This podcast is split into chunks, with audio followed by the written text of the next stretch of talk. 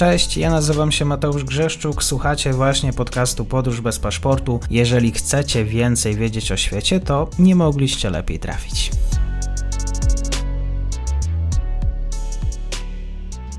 Partnerem odcinka jest Oanda, TMS Brokers, dom maklerski obecny na rynku już od ponad 20 lat. W opisie odcinka znajdziecie link do aplikacji, której możecie otworzyć konto maklerskie i grać na giełdzie, a wcześniej potrenować na koncie demonstracyjnym. Jeżeli otworzycie konto za pośrednictwem tego linku, dostaniecie na start książkę o tematyce inwestycyjnej. Zapraszam, Mateusz. Dzień dobry Państwu, dzień dobry wszystkim słuchaczom. Mam wielką przyjemność, e, bo na podcast powraca po dłuższej przerwie i w nowym roku, więc wielka radość. Profesor Marko Babić. Dzień dobry Panie Profesorze, bardzo mi miło. Dzień dobry, witam bardzo serdecznie, pozdrawiam Pana i, i Pana słuchaczy. Mhm. W nowym roku i życzę wszystkiego dobrego, oby nie był gorszy niż 22. E, życzę mi Pan Profesor wszystkiego dobrego, to się dobrze składa, bo ja mam pytanie o jedzenie, o dobre jedzenie. Co się je w Bośni i Hercegowinie? Wybór jest tak duży, że trudno zdecydować, od czego zaczynamy, ale może najbardziej, najbardziej popularnym jedzeniem, takim lokalnym fast foodem są bardzo dobrze znane czewapcici albo pleskawica, podawane e, z takim chlebkiem, e, który się nazywa somun albo lepinia, zależy od części Bośni i Hercegowiny, czy w ogóle regionu bałkańskiego. Niemniej jednak to jest taki chlebek nasączony tam różnymi tajemnicami, ale to, to tak fantastycznie smakowo y, wygląda i pachnie ładnie i dobrze smakuje. Poza oczywiście jest masa innych rzeczy, ale to są takie najbardziej, to są takie Big Maci e, regionalne, o tak to powiem. I cie, ta, taka wyprawa kulinarna y, jest droga dla na przykład polskiego portfela, czy jak, jak to cenowo wygląda? Nie, nie, dla, dla polskiego i w ogóle dla turystów e, lokalne jedzenie nie jest, e, nie jest drogie. Nie jest drogie, zresztą całe rzesze polskich turystów, które odwiedzają nie tylko Bośnię i Hercegowinę, Chorwację, e, Serbię, Macedonię, dobrze wiedzą i doceniają kuchnię bałkańską w bardzo przystępnych cenach. Zresztą Makłowicz nieraz o tym w swoich programach mówił i chwalił i tak dalej, także tu nie będę się powtarzał tak to wygląda. Ale to jest tak, że jeżeli turyści przyjeżdżają i to bośniacką kuchnię sobie chwalą, to czy, czy świadomi są tego sami obywatele? Tak, oczywiście, że tak. Oczywiście, że tak i tu y, jakaś konkurencja w kontekście mm, kulinarnym z zewnątrz y, moim skromnym zdaniem y, jest skazana na niepowodzenie. I to się wydarzyło całkiem ostatnio, bo no dzisiaj właśnie. pretekstem naszej rozmowy jest to, że sieć restauracji fast food McDonald's, znany wszystkim, przestała działać w Bośni i Hercegowinie. Na początku tym głównym tłumaczeniem jest sieć skandali, jakieś nieprawidłowości, panie profesorze. O co chodzi? Tak, no może skandale, no to może za mocne słowo jest. Y, oczywiście tak jak mogę powiedzieć, tak jak wszędzie, prawie wszędzie, McDonald's w Bośni i Hercegowinie działa na, na y, zasadach y, franczyzowych, prawda? I firmy, które w imieniu McDonald'sa prowadziły restaurację McDonald's w Bośni i Hercegowinie, no nie regulowały swoich, y, swoich zobowiąza zobowiązań finansowych, y, szczególnie jeżeli chodzi o najem powierzchni, narobiły długów i oczywiście jak centrala McDonald'sa się dowiedziała, no to wycofała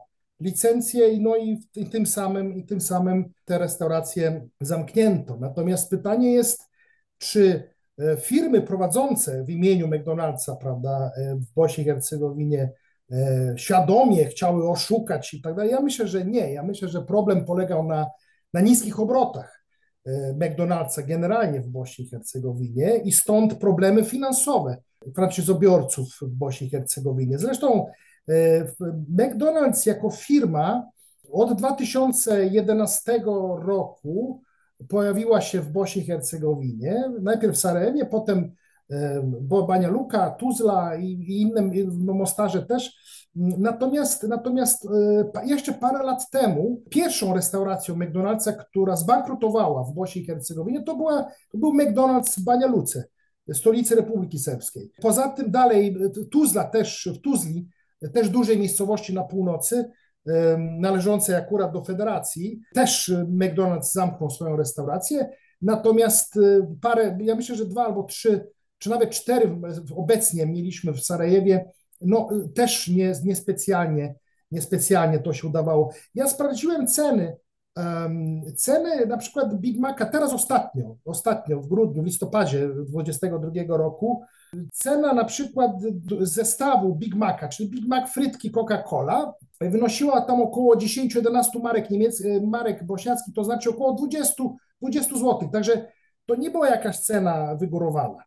Natomiast jeżeli za te same pieniądze możemy dostać więcej i moim zdaniem, i nie tylko moim zdaniem, lepszej kuchni z grilla, lokalnej, no to wiadomo, że, że, to, że to na dłuższą metę nie mogło się utrzymać. Także tutaj y, przygląda McDonald'sa z Bośnią Hercegowiną trwała 11 lat, tak? 2011-2022. I mhm. tutaj niektórzy analitycy mówią, że e, właśnie, czy to jest tak, że Czewapczyci pokonały Big Maca, czy jakieś inne powody są. Ja myślę, że przede wszystkim, przede wszystkim e, e, słabe obroty, po prostu bardzo małe zainteresowanie tak, tego typu kuchnią ze strony mieszkańców po prostu. To spowodowało, bo dlaczego o tym mówię? Pojawiają się głosy, czy ewentualnie e, ktoś inny mógłby przejąć e, prawda, te restauracje i kontynuować na innych zasadach, może jak pospłaca te długi i tak dalej, i tak dalej, ale raczej tutaj jak czytam, jak słyszę, jak rozmawiam, raczej podejście jest pesymistyczne, bo mało kto będzie chciał się podjąć po raz kolejny poprowadzenia takich restauracji y, w regionie, gdzie jednak tego typu kuchnia amerykańska no niespecjalnie się cieszy dużym powodzeniem. Mhm. Na początku, jak z, zapoznałem się z tą informacją, to zadałem sobie z tyłu pytania, może tak, że jakaś niewydolność finansowa, bo po prostu bośniacy nie potrafią zarządzać tego typu obiektami, może nie potrafią zarządzać finansami, ale rzeczywiście y, kluczem, kluczem do tej historii jest to, w jaki sposób e, bośniacy traktują to, co swoje, a to, co, co zachodnie. Rozumiem, że w kwestii kulinarnych oczywiście ma to ogromne znaczenie, nie no, tylko kulinarnych. Tak, dokładnie, dokładnie. Tu może, może jest, jest bardziej specyficznie, bo proszę pamiętać, że na przykład w Chorwacji funkcjonuje około 40 restauracji McDonald'sa. W samej Serbii też 30 chyba, dwa, dwie restauracje są. I jakoś nie, nie słyszę, że mają jakieś potężne problemy, problemy e, finansowe, chociaż na pewno e, to nie są topowe miejsca, gdzie się, gdzie, gdzie e, nawet młodzież wychodzi, prawda, coś zjeść i tak dalej. Są, są lepsze miejsca od tych, ale, ale one funkcjonują. Natomiast w Bośni i Hercegowinie raczej, raczej to, się, to się nie udało. I teraz no, jest pytanie, czy, no, dlaczego tak się stało. No. Poza tym też ja nie wiem, czy, czy w, w szczytowym momencie nie było tak około 5-6 restauracji wszystkiego razem, prawda? W Bośni i Hercegowinie mhm. restauracji McDonald'sa. Jeżeli to porównamy z 40 E, w Chorwacji, czy tam, e, ile to 30, chyba dwie albo trzy restauracje w Serbii, no to to też jest mało, tak? Więc też proszę nie, nie, nie zapominać, że Bośnia i Hercegowina jako turystyczna destynacja też jest dość popularna e, na świecie. Także mogli, chociaż, mogli korzystać chociażby z zagranicznych turystów, ale chyba jak ten, kto raz spróbował cielapczyci w Sarajewie, ten już nigdy więcej w Sarajewie nie spróbujemy McDonald's. Tak jest moje zdanie. Mhm. Jak właściwie e, sami Bośniacy, nie tylko w kwestiach kulinarnych, ale jeżeli chodzi o same, nazwijmy, wątki społeczne, ideologiczne, e, podchodzą do tego, co zachodnie, jak ten, e, powiedzmy, te kraje zachodu są przedstawiane akurat w tym regionie świata? Oj, zadaje mi Pan bardzo trudne pytanie, bo ono jest wielo warstwowe i nie ma, nie ma prostej odpowiedzi. Generalnie, generalnie nawet za czasów Jugosławii socjalistycznej to państwa zachodniej Europy były stawiane za wzór nawet takiej socjalistycznej Jugosławii, w takim miękkim socjalizmie.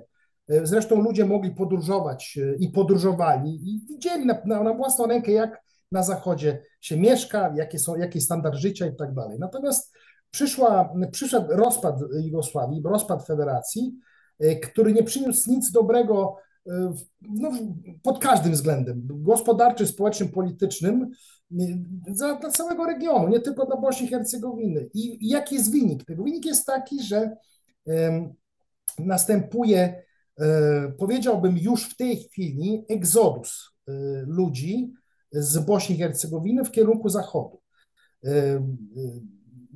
Dlaczego tak się dzieje? No to, to jest odpowiedź na Pana pytanie, tak? Jaki jest stosunek do tego Zachodu? No taki jest stosunek, że po prostu emigrują w kierunku państw, państw zachodnich, europejskich, ale nie tylko. Zresztą taki egzodus trwa i z Serbii, i z Macedonii, z Albanii, E, nawet e, o dziwo z Chorwacji też, mimo że jest od 10 lat, w tym roku będzie dziesięciolecie członkostwa Chorwacji w Unii Europejskiej. Od 1 stycznia właśnie 2023 roku Chorwacja jest i w Schengen, i w strefie euro.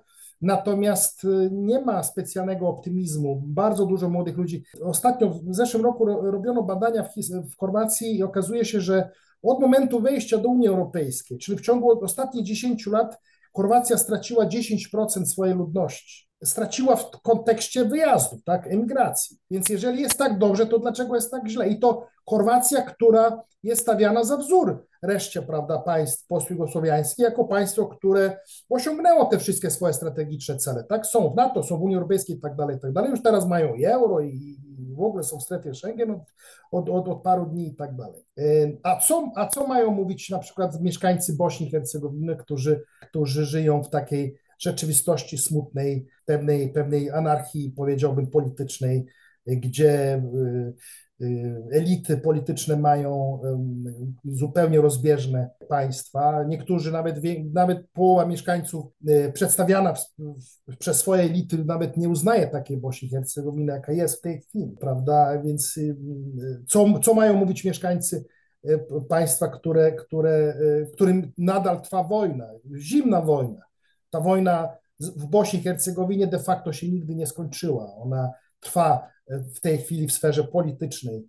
Natomiast e, ten brak perspektyw e, powoduje, że, że nawet ludzie, którzy, którzy, którym się udało odnaleźć jakąś niszę e, na rynku pracy, powiedzmy w Bośni i Hercegowinie, stomatolodzy, prawnicy i tak dalej, oni też się, i którzy na bośniackie warunki całkiem nieźle żyją, na, na niezłym poziomie, oni też w dużej mierze decydują się na, na, na wyjazd. I, I, na pytanie, dlaczego wy, dlaczego wy wyjeżdżacie, bo nie jesteście bezrobotni, jest, macie pracę i to całkiem, całkiem przyzwoitą, jak na tutejsze warunki, mówią, że nie chcemy wychowywać dzieci w takiej atmosferze niepewności, yy, braku perspektyw, nie wiadomo w ogóle, co się stanie z, z tym państwem, jak to dalej będzie wszystko i tak dalej, i tak dalej. I jeszcze jak do tego dodamy, a jeszcze, proszę zwrócić uwagę, jeszcze nikt nawet nie podsumował kosztów pandemii, a już mieliśmy doda- kolejne uderzenie w postaci wojny na Ukrainie, kryzysu energetycznego i jak to się wszystko nałoży, no to, to mamy bardzo smutną rzeczywistość, jeżeli chodzi o, o, o perspektywy. I tak naprawdę większość ludzi e, już wyjeżdża i, i, i, i wybiera państwa, państwa Europy Zachodniej, gdzie również prawdopodobnie już mamy recesję, albo za chwilę będziemy mieli recesję. Także mamy bardzo smutne i bardzo nieciekawe czasy w tej chwili. Mhm smutna to rzeczywistość, w której na niewiele stać Bośniaków, a tym bardziej, jeżeli nie stać na Big Maca, chociaż tutaj akurat e, no, sytuacja jest jasna, Big Mac smaczny e, dla Bośniaków nie jest e, i sprawa wygląda jasna i prosta. I to też takie smutne, smutna sytuacja, kiedy nawet z Nowym Rokiem, kiedy jeden z bałkańskich krajów wstępuje do strefy euro, wstępuje do strefy Schengen. Natomiast e, też trzeba powiedzieć, że, że myślę, że nie ma, nie ma tu jakichś większych, większych wątpliwości, gdy zapytamy zwykłych ludzi, tak, e, e, jaki, jaki standard życia byście sobie życzyli, tak, no to wszyscy odpowiadają, że raczej taki, jaki jest na Zachodzie, to, to jest oczywiste. Natomiast jak, jak go u siebie zorganizować, no to jest, to jest ten problem, to jest ten problem. A powiem szczerze, jeżeli mamy chwilę, nie wiem, w jakim kierunku y, Pan nas poprowadzi w tej rozmowie, ale tutaj też rola Unii Europejskiej i w ogóle przedstawicieli świata zachodniego na politykę, na scenę polityczną w Bośni i Hercegowinie w tej, w tej chwili nie jest do końca e, uczciwa i nie jest do końca e, prawidłowa, jakbym tak to określał. Za dużo tu dwulicowości, za dużo hipokryzji. Nawet przypominam tylko, jak już rozmawiamy o Bośni i Hercegowinie, parę tygodni temu e, Bośnia i Hercegowina w końcu uzyskała status kandydata. A ja bym powiedział za mało i za późno. E, dlaczego? to nie Bośnia Hercegowina zasłużyła sobie, powiedzmy to tak technicznie, na status kandydata, tak jak powiedzmy 20 lat temu państwa Europy Środkowej, a jeszcze wcześniej przy po, po, poprzednich rozszerzeniach inne państwa. Nie. To jest po prostu Unia się, Bruksela tak zwana się obudziła i z powodów geopolitycznych zdecydowała, że ach, dobrze udzielamy im, żeby jednak, żeby jednak zmniejszyć powiedzmy niebezpieczeństwo przelewania się ewentualnego, prawda, e, ewentualnie tej destabilizacji z Ukrainy czy z tego szerszego obszaru na Bośnię i Hercegowinie, na Bośnię i, i, i, na, i, na, i na region i tak dalej, tak dalej. Nie, nieuczciwe podejście, bo gdy, żeby to miało jakiś efekt, to trzeba było zrobić 10-15 lat temu, 20 lat temu. Natomiast dzisiaj to już nie, niewiele to, to, to, to znaczy, poza tym sam status kandydata nie znaczy nic, prawda? Jeżeli chodzi o, o urealnienie stania się członkiem kiedyś tam w przyszłości. To może, to, ten status kandydata może trwać wiele dziś, y, y, dziesiątek lat i, i tak naprawdę niewiele może oznaczać, jeżeli nie będzie jakiegoś, y, jakiegoś ruchu proreformatorskiego, proreformatorskiego ze strony państwa ubiegającego się, a jak na razie tego nie widać na horyzoncie. No i tym smutnym akcentem dzisiaj zakończymy. Profesor Markowawicz, bardzo dziękuję za ten komentarz i za spotkanie. Dziękuję uprzejmie, kłaniam się.